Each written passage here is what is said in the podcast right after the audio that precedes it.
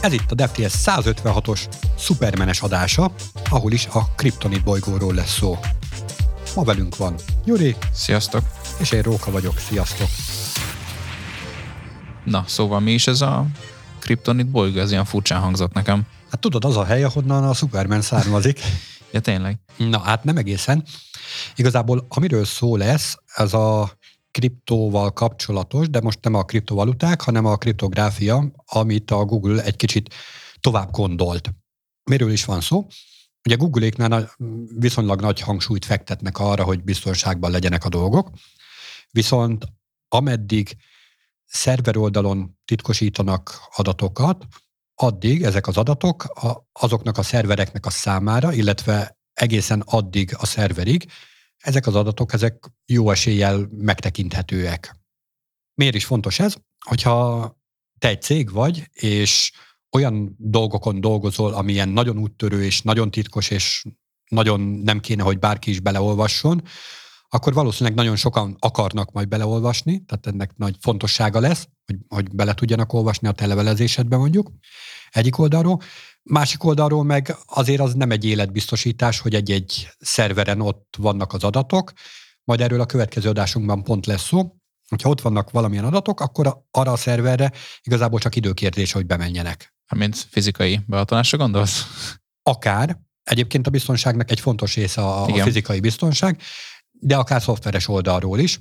Tehát így vagy úgy, azok az adatok, amik nem nálad vannak, azok hogy biztos, hogy ki fognak kerülni, illetve hogyha nálad vannak, akkor is ki fog kerülni, hogyha van kapcsolatod a külvilággal, illetve hogyha elég értékesek ezek az adatok. Tehát most beszélhetünk ilyen ergebd rendszerekről. Ugye ergebd rendszer az, ami nem kapcsolódik közvetlen más számítógépekhez, hanem nevéből adódóan légrés van közöttük, tehát nincsen kábeles összeköttetés. Mm. Például ilyeneket szoktak használni olyan esetben, amikor nagyon nagy biztonságra van szükség, mondjuk egy atomerőműnél tudnék egy ilyet elképzelni, annak a vezérlő rendszere az, én azt gondolnám, hogy az így ilyen ergebd rendszer kell, hogy legyen. Nincsen vele tapasztalatom, de azt gondolnám, hogy annak ilyennek kéne, hogy legyen. De hallottunk már ilyet is, hogy ilyet is sikerült megfertőzni.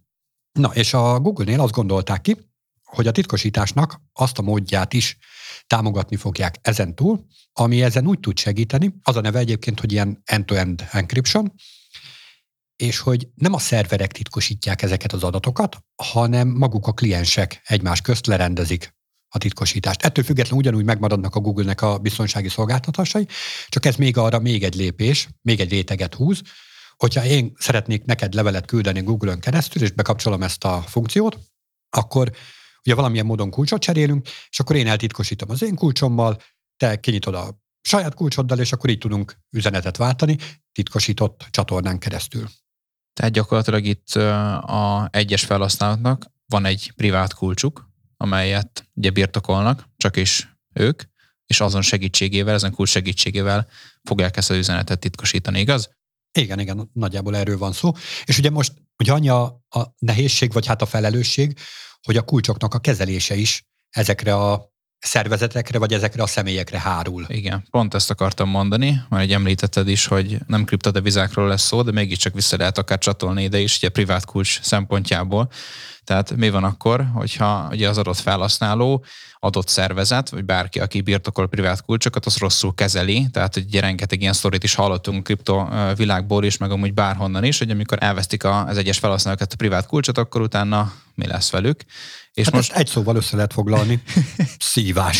igen, igen, abszolút így van, csak kérdés az, hogy most ez mennyire érett meg arra, ugye ez a rendszer, ez a technológia, hogy ezt egy ilyen gyakorlatilag hatalmas felhasználói bázisú rendszerbe úgy beépítsék, hogy az megfelelően biztonságos legyen, és a felhasználótól is azt feltételezzük, hogy ezt a kulcsot megfelelően kezeli. Tehát nem úgy, hogy hogyha mondjuk megvan ez a kulcs neki szöveges formátumban, akkor nem menti el a Google Drive-ján a nem tudom akárhova, tehát hogyha nem tényleg az úgy teljesen offline, gyakorlatilag egy ilyen hideg tárcában, mint ugye a kriptóknál is szokott ugye lenni a mondás, tehát oda mentik ezt a kulcsot valamilyen olyan pendrive-on, ami teljesen el van zárva ugye az online tértől, tehát nem, nem forró, hanem hideg módon van ez tárolva, így szépen magyarosan fogalmazva. Hát figyelj, erre azt tudom mondani, hogy most, mai nap, úgy, hogy nincs ez bekapcsolva neked, te biztonságosnak tekinted a Google-os levelezésedet?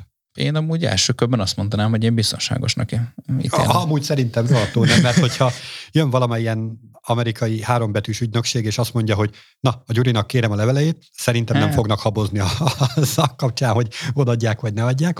De mindegy, ez csak az én feltételezésem, de tekintsük biztonságosnak. Hogyha ez biztonságos, akkor ez csak egy plusz réteget ad rá. Uh-huh. Tehát ettől csak jobb lesz, de valóban jogos a kérdés, hogy ez most csak egy ilyen látszat dolog, mert tényleg ott van a hangsúly, hogy ezeknek a kulcsoknak a kezelése az egy felelősség. Igen, így van. Tehát, hogy itt hatalmas felelősség van a felhasználó, és én mezői felhasználó az nem biztos, hogy ezzel a felelősséggel tud megfelelően élni. Ugye... Hát azt azért tudni kell, hogy nem mezei felhasználókra lőnek, hanem itt valójában a nagy cégekre gondoltak, uh-huh.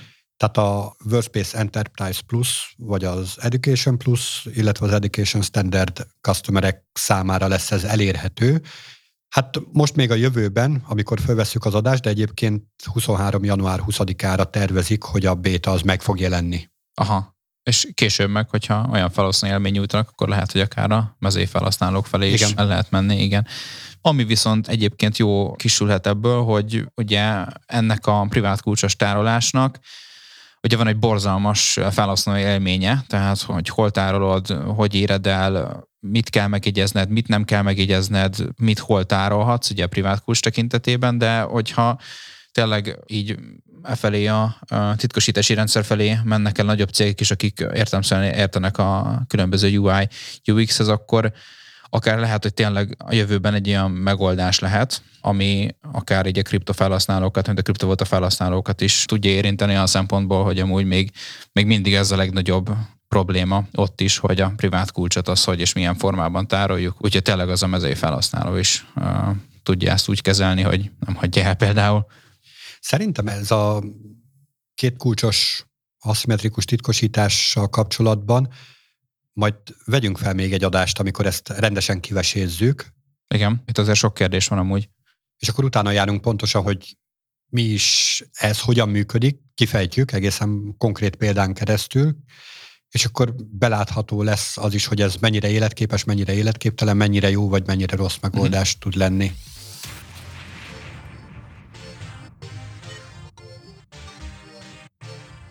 Bizonyára sokatok, sok hallgató áll egyetemes felvételi előtt. Mostanában kell bejelölni azokat a felsőoktatási intézményeket, ahova szeretnétek, szeretnétek tovább tanulni, és kérdésként bennem is, meg egyébként sok mindenkiben fölmerült az, hogyha fejlesztői pályára szeretnénk később az egyetem után menni, tehát főleg itt szoftverfejlesztésre gondolok, akkor mik azok a tevékenységek, akár pályakezdés, akár még pályaválasztás előtt lehet gyakorolni, hogy később az emberből kiváló fejlesztő lehessen.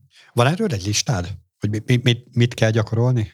Uh, igazság szerint egyébként nincsen konkrét listám, de felírtam pár dolgot, amely az én élethelyzetemben egyébként segített, és hát fejlesztő lett belőlem, szóval, szóval ebben tudok segíteni, hogy esetleg pár dolgot itt ihletet lehet meríteni, hogy nekem mi az, ami segített, és egyébként ugye minden ember más, tehát minden embernek valószínűleg más bevált ilyen dolgok voltak, amelyek tényleg elindította a pályáján, nem csak azért, hogy fejlesztő lehessen, hanem azért, hogy megkapja azt a kedvet, azt a motivációt, hogy ő tényleg valóban szoftverfejlesztő lehessen. Sőt, ez a lista ez azért is jó lesz, mert ezen majd még te is végig mehetsz, mert ugye mondtad, hogy ha a listát végig veszi valaki, akkor kiváló fejlesztő lehet belőle.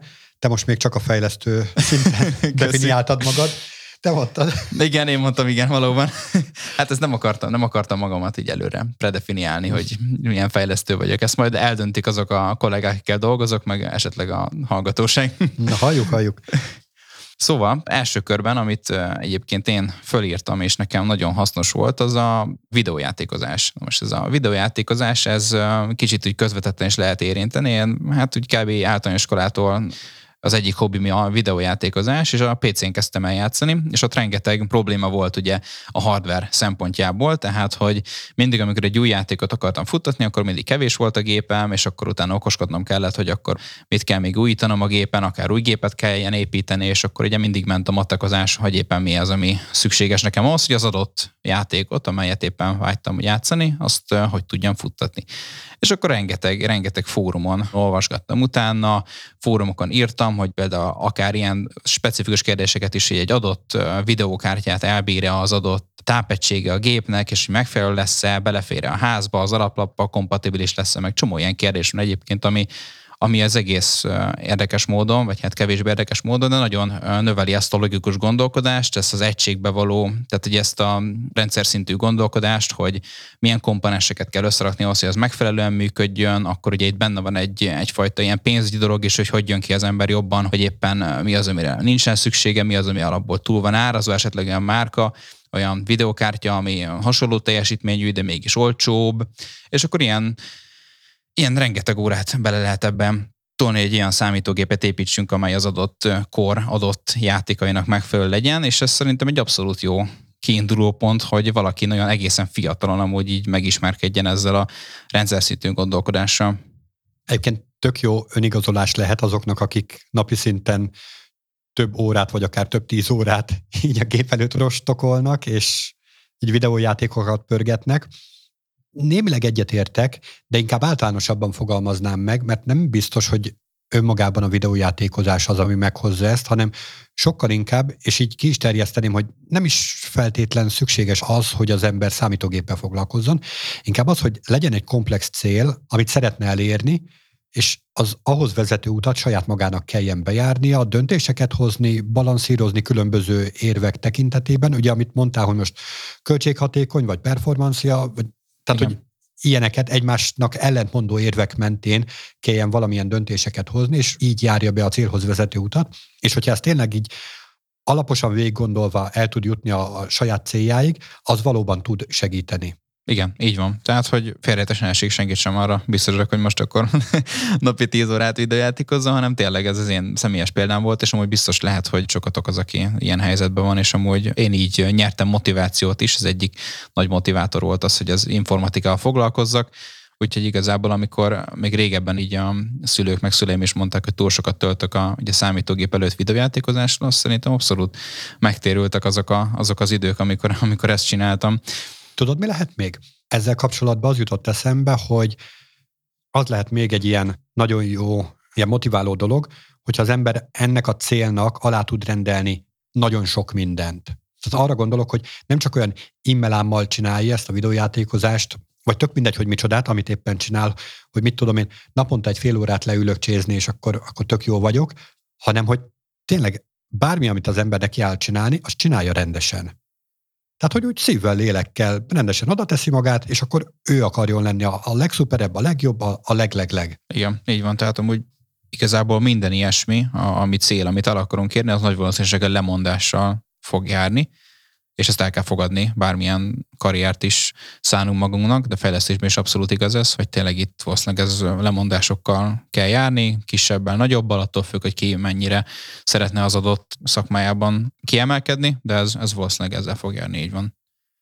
Egyébként, amit még itt fölírtam, és ez is inkább ilyen specifikus, tehát nem egy ilyen nagy általánosságot képvisel, az például ugye a legózás, amit kiemelnék, az is ugyanezt, a, mint akár egy számítógép hardware felépítés, ugyanez a rendszer van a legózásban, és gyakorlatilag ott is hasonló dolgokat kell megfontolni, csak éppen egy kicsit kisebben, meg, meg más dolgoknál, de az is egy ilyen architekturális szemléletmódot ad egyébként a felhasználóinak, úgyhogy én azt is beemelném ide egyébként. Itt főleg amúgy kiskorú hallgatóknak gondolnám ezeket a tippeket, de szerintem abszolút rá lehet ültetni később régebb óta, idézés régebb óta fiatalabbaknak is, tehát hogy ez abszolút kortalanak ezek a dolgok, de én biztos, hogy kiskoromban töltöttem el ezzel sokkal több időt, ami megadta a löketet ehhez a karrierhez. Egyébként tök jó, hogy mondod a legót, az még olyan szempontból is jó, hogy így az abstrakt képzeletet is segíti. Kicsit a Minecrafthoz is tudnám hasonlítani, hogy vannak olyan elemeid, ami egyébként nem szögletes elemeid vannak, és felépítesz belőle egy gömbölyű elemet. És azért ahhoz kell egyfajta képzelet, hogy azt beleérst, hogy ez a négy darab valami, ami amúgy szögletes, itt egy gömböt gondoltam. Igen. Meg ugye ez is esetleg, hogyha valami, valaki tényleg ilyen nagyon komoly dolgokat épít legóból, ugye vannak ezek a nagyon hiper-szuper kocsik, amelyeket lehet építeni, vagy bármilyen olyan science fictionben lévő figura, ott meg abszolút ugye mindenféle dolgot igényel, ami gyakorlatilag a fejlesztésben is jelen kell legyen, tehát hogy hogy az is egy olyan skill, amit akár így játékosan lehet ezzel így felkészülni ezzel a fejlesztési világra.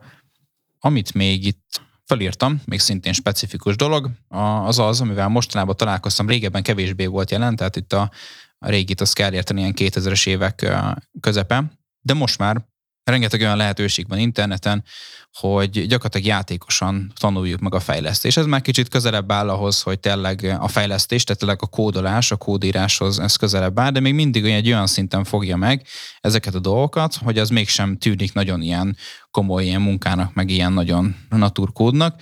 Ugye itt akár lehet mindenféle ilyen robotprogramozásra, játékos gyerekes robotprogramozásra gondolni, vagy éppen olyan oldalakat, például kiemelném és majd bele fogjuk kérni a leírásba, például Codings Game, tehát hogy vannak ilyen nagyon jó kis ilyen webes alkalmazások is, ahol vannak ilyen különböző feladványok, ilyen challenge amelyeket meg kell oldani, és a különböző kódot kell hozzá írni, és akkor úgy tud tovább menni a karakterünk, vagy egy játékban úgy tudunk fejlődni, hogyha ezt, ezeket megcsináljuk a kódban. Tehát ez a játékosítás, ez itt is abszolút megvan, de már nem az a távlati dolog lesz, hanem ez nem az absztraktabb dolog, hanem tényleg azért már kicsit így kódolósabb, de még mindig ott vagyunk, hogy ezt játékosan tudjuk elvégezni. Itt közben hangosan bólogattam. Igen, így van, és én a listán végére is értem, tehát amit én gyakorlatilag itt fölírtam magamnak az adás előtt, azok ezek voltak. Egyébként nem is gondolnám azt, hogy feltétlen az embernek olyan tanácsokat kéne adnunk, hogy most fejlesztő akarjon lenni, hanem sokkal inkább, hogyha valaki akar lenni, tehát hogy valamilyen célt akarjon elérni, és hogyha azt azért a célért megtesz sok mindent, akár lemondásokat is, akkor azt el fogja érni. És igazából az a nehézség benne, hogy akarni is nehéz. Tehát, hogy úgy, úgy Isten igazából az ember akarjon valamit elérni. Igen.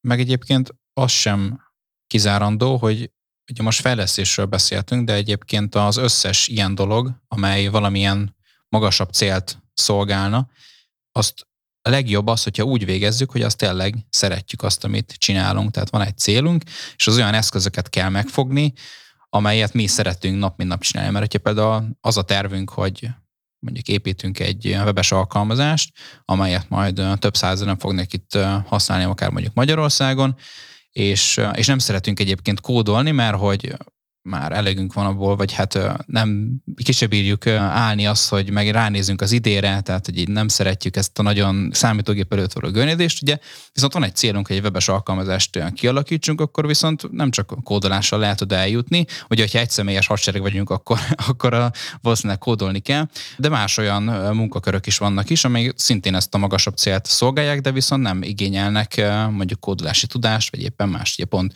pár adás előtt beszélgettünk egy PO kollégával, akármilyen ilyen más, más munkakörökből is lehet ezt a magasabb célt szolgálni, úgyhogy azt szeressük, amit csinálunk, mert az a legfontosabb, hogy szeressük, mert ha szeretjük, amit csinálunk, akkor valószínűleg sokkal nagyobb lesz a hozzáadott értékünk, mint hogyha úgy csinálnánk az egészet, hogy már gyűlölünk bejönni a munkahelyre dolgozni.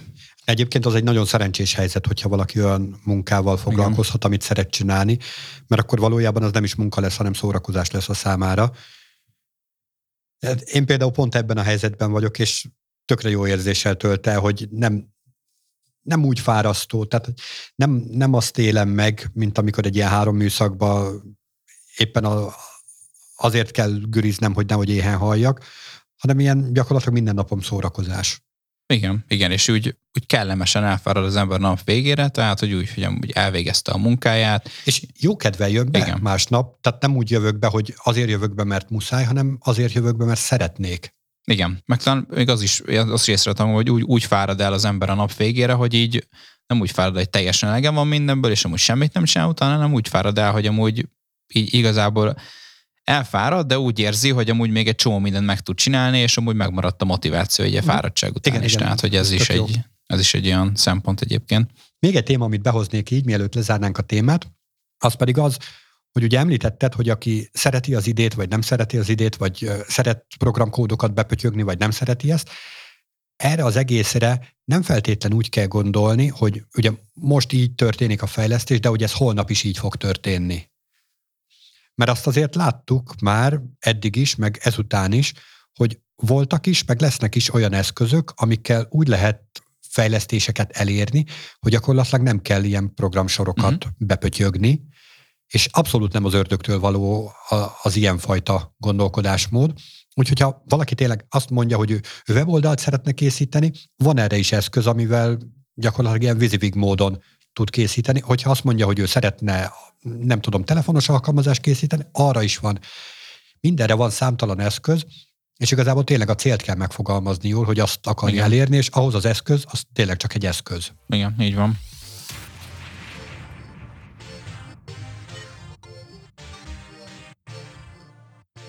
Mostanában sokat hallunk a, az inflációs félelmektől, viszont a Tesla-nál az évet úgy kezdték, hogy defláció van, mégpedig olyan szintű defláció, hogy globálisan több autó modelljét majdnem 20%-kal csökkentették, vagyis az árát csökkentették. Na jó van ám, de hogy van miből? Tehát ők nem ilyen 100 ezer forintos kategóriába gurigáztak. Igen, igen, van miből csökkenteni. Azt viszont látni kell, hogy azért most elég sok inflációs nyomás van minden tekintetben, akár az autóipar, akár az energetikai szektor, tehát mindenhol azért komoly inflációs nyomás van, teszel mégis meg tudták ezt ejteni. Na most felmerülne a, a kérdés az, hogy hogy ezt mégis hogy tudják megtenni, úgyhogy még mindig profitábilisak legyenek, mert ugye azt tudni kell, hogy az autógyártóknak azért viszonylag kicsi a marzsuk, tehát nem ritka az ilyen egyszámjegyű marzs is, tehát profit marzsról beszélek, viszont Tesla-nál ez elég magasan van. Azért van magasan, mert nagyon hatékonyan tudnak gyártani, olyan technológiát használnak a gyártás folyamán is, ami rendkívül hatékonyá teszi azt, tehát nagyon gyorsan tudnak leszállítani egy autót. Meg azért, mert rohadt drága. Hát, hát igen, az is valami. De azt látni kell, hogy nagyon, nagyon gyorsan tudják ezt pörgetni, és minél hatékonyabb a gyártás, annál több a mozgástér nekik így az áfronton, hogy hogy tudják meghatározni. És egyébként visszareflektálva arra, hogy mennyire drága az autó, ugye azt tudni, hogy ez egy elektromos autóról van szó, és ezzel az árcsökkenéssel már azért azt látjuk, hogy itt a kompetitív, tehát a velük kompetenciába álló modellek árához viszonyítva azért most már eléggé alattuk vannak, tehát azt kell mondani, hogy most itt a Teslák elektromos autófronton amúgy viszonylag így már lassan kezdenek olyan áron lenni, hogy már azok lesznek így a legjobb árérték arányban, hogyha eddig nem voltak, de most még inkább abban lesznek. Na mennyi az annyi? Hát mennyi az annyi? Hát igazából magyar árakat is lehet mondani, tehát itt főleg magyar árakat is lehet mondani, mert Magyarországon is volt egy ilyen csökkentés, de Amerikában is. Most már egy teljesen alapfelszereltséggel rendelkező Model 3-at 18 millió 999 ezer forintért meg lehet kapni, tehát 19 millió forintot kell lecsengetni azért, hogy egy ilyen alapfelszereltsége modellhámot kapjunk, egy, ami egyébként az alapfelszereltség alatt azért nem kell sok extra megvonását érteni, ugye itt ez egy teljesen alapmodellről van szó, és ez bőven 20 millió fölött volt, tehát az átcsökkentés előtt azért ezt 20 millió fölött kapjuk. El, és ha megnézzük az elektromos autókat ugye a szektorban, akkor azt látjuk, hogy azért az eléggé alatta van, és Amerikában még az is hozzásegít ehhez egyébként, hogy ott van egy tax credit, tehát egy ilyen olyan, mint támogatás, mint hogy Magyarországon is volt az elektromos autókra, és még az is lejön az árból, ami több ezer dollár szintén, és ez ez elég nagy jelentőséggel bír annak fényében, hogy felpörgették azért az eladásokat. Egyrészt magasabb voltak az árak, másrésztről pedig hogy a konkurenciát is azért elég erőteljesen meg tudják szorongatni így, hogy bőven alá ígérnek az áraikból, úgyhogy ez történik itt a EV piacon. Egyébként érdekes, amit mondasz ezzel kapcsolatban, mert nem az első ilyen, sőt volt olyan, amit én is megtapasztaltam, ilyen árcsökkentés, és na- nagyon meglepődtem. Tehát így tőzsgyökeres magyarként nekem csak az áremelés az, ami így osztályrészemű jut, és azon nem lepődök meg, hogyha a termékek egyre kisebbek, vagy egyre kevesebbet tudnak ugyanazért az árért, vagy pedig maradnak méretükben és tudásokban ugyanakkorák, csak egyre drágábbak lesznek. Lehez képest például ugye ott a Starlinkes műholdas szolgáltatás, az indult egy ilyen jó 30 ezer forintos havi díjról, és most, hogyha jól emlékszem, akkor 17 ezer mhm. forintos uh-huh. havidíj, tehát kb. a felére lecsökkentették, mert egyszerűen ebben a régióban, most vagy azért, mert eladhatatlan volt, vagy akármi miatt is, de hogy csökkentettek árat, és döbbenetes. Tehát, Igen. hogy ezt így nehéz, nehéz felfogni. Másik oldalról viszont nem, nem értem azt, hogy más cégek miért nem élnek az ilyenfajta eszközökkel, mert egy akkora fajta lojalitást tud kialakítani, ami szerintem forintokban is mérhető. E, igen, így van. Itt ugye kapásból azt mondanám vissza egyből, hogy azért nem élnek már cégek ezzel, mert nem tehetik meg. Tehát, hogyha például más autógyártót nézek, sokkal kevesebb a marzsa, mint a Teslának, azt jelenti, hogy kevésbé dinamikusabban tud mozogni A fronton. Tehát, hogyha van egy 5%-os marzsom, profit marzsom, akkor az azt jelenti, hogy ugye sokkal kevesebbet tudok engedni az árból. De hogyha van egy akár egy 10-20 pluszos profit marzsom, mint ugye a Tesla-nak is szokott lenni, akkor viszont abszolút meg tudják ezt engedni maguknak. És visszamenőlegesen is egyébként, aki megrendelte az autót, annak is már hiába volt a magasabb áron megrendelve a, a kocsi, akkor is írtanak egy e-mailt, hogy már pedig te alacsonyabb áron fogod megkapni, és, és újra lesz kalkulálva az autónak az ára. Tehát abszolút ez ilyen teljesen pozitívan jött most ki. Nagyon érdekes, hogy mekkora különbség van így mindsetbe, így a Tesla, illetve Elon Musk elképzelései között meg amit a magyar piacon lehet tapasztalni. Például mostanában ugye nagy hír, meg nagy port kavar az, hogy a telekommunikációs cégek azok úgy emelhetnek árat, hogy azért még Igen. fel se lehet mondani a szerződést, és ehhez képest egy, egy ilyen fajta bejelentés, tehát ez igen. Döbbenetes. Igen. És egyébként ez hozzá is tartozhatna azt is, hogy, hogy megvan az a feltételezésünk egyébként, hogy minél inkább hatékonyabban tudnak egy technológiát előállítani, annál inkább kedvezőbb lesz az gyártani, és annál inkább ez, ez olcsóbb is lehet. Tehát meg lenne az a feltételezésünk, amúgy ugye annó még 20-30 évvel ezelőtt egy számítógépért azért tényleg egy házárát ki kellett fizetni, de most már, ahogy egyre inkább elérhetőbbé válik ez a technológia, egyre inkább fejlődik, hogy egy deflációs hatást figyeltünk meg, hogy ezek az árak ugye csökkentek. Ez a telekommunikációs szektor, vagy ez? De figyelj, biztos, hogy csökkentek az árak? Nem az van, hogy az árak maradtak ugyanott, csak ugye Csak a... minden más termék följebb ment, és ez a, emiatt az értéke lett kevesebb? Igen, ez, ez jó kérdés. Egyébként egy jó elméletet lehet ezzel kapcsolatban gyártani, de ugye azt látni kell, hogy, hogy hogyha számítási teljesítményt nézünk, és ahhoz kapcsolódóan árakat, akkor szerintem egy nagyon szép grafikot lehet erre lerajzolni, hogy milyen deflációs hatások történtek itt meg. Azt hiszem, hogy ezzel az árszóval a mi adásunk is deflálódik, és teljesen elfogy. Úgyhogy el is köszönünk. Sziasztok! Sziasztok!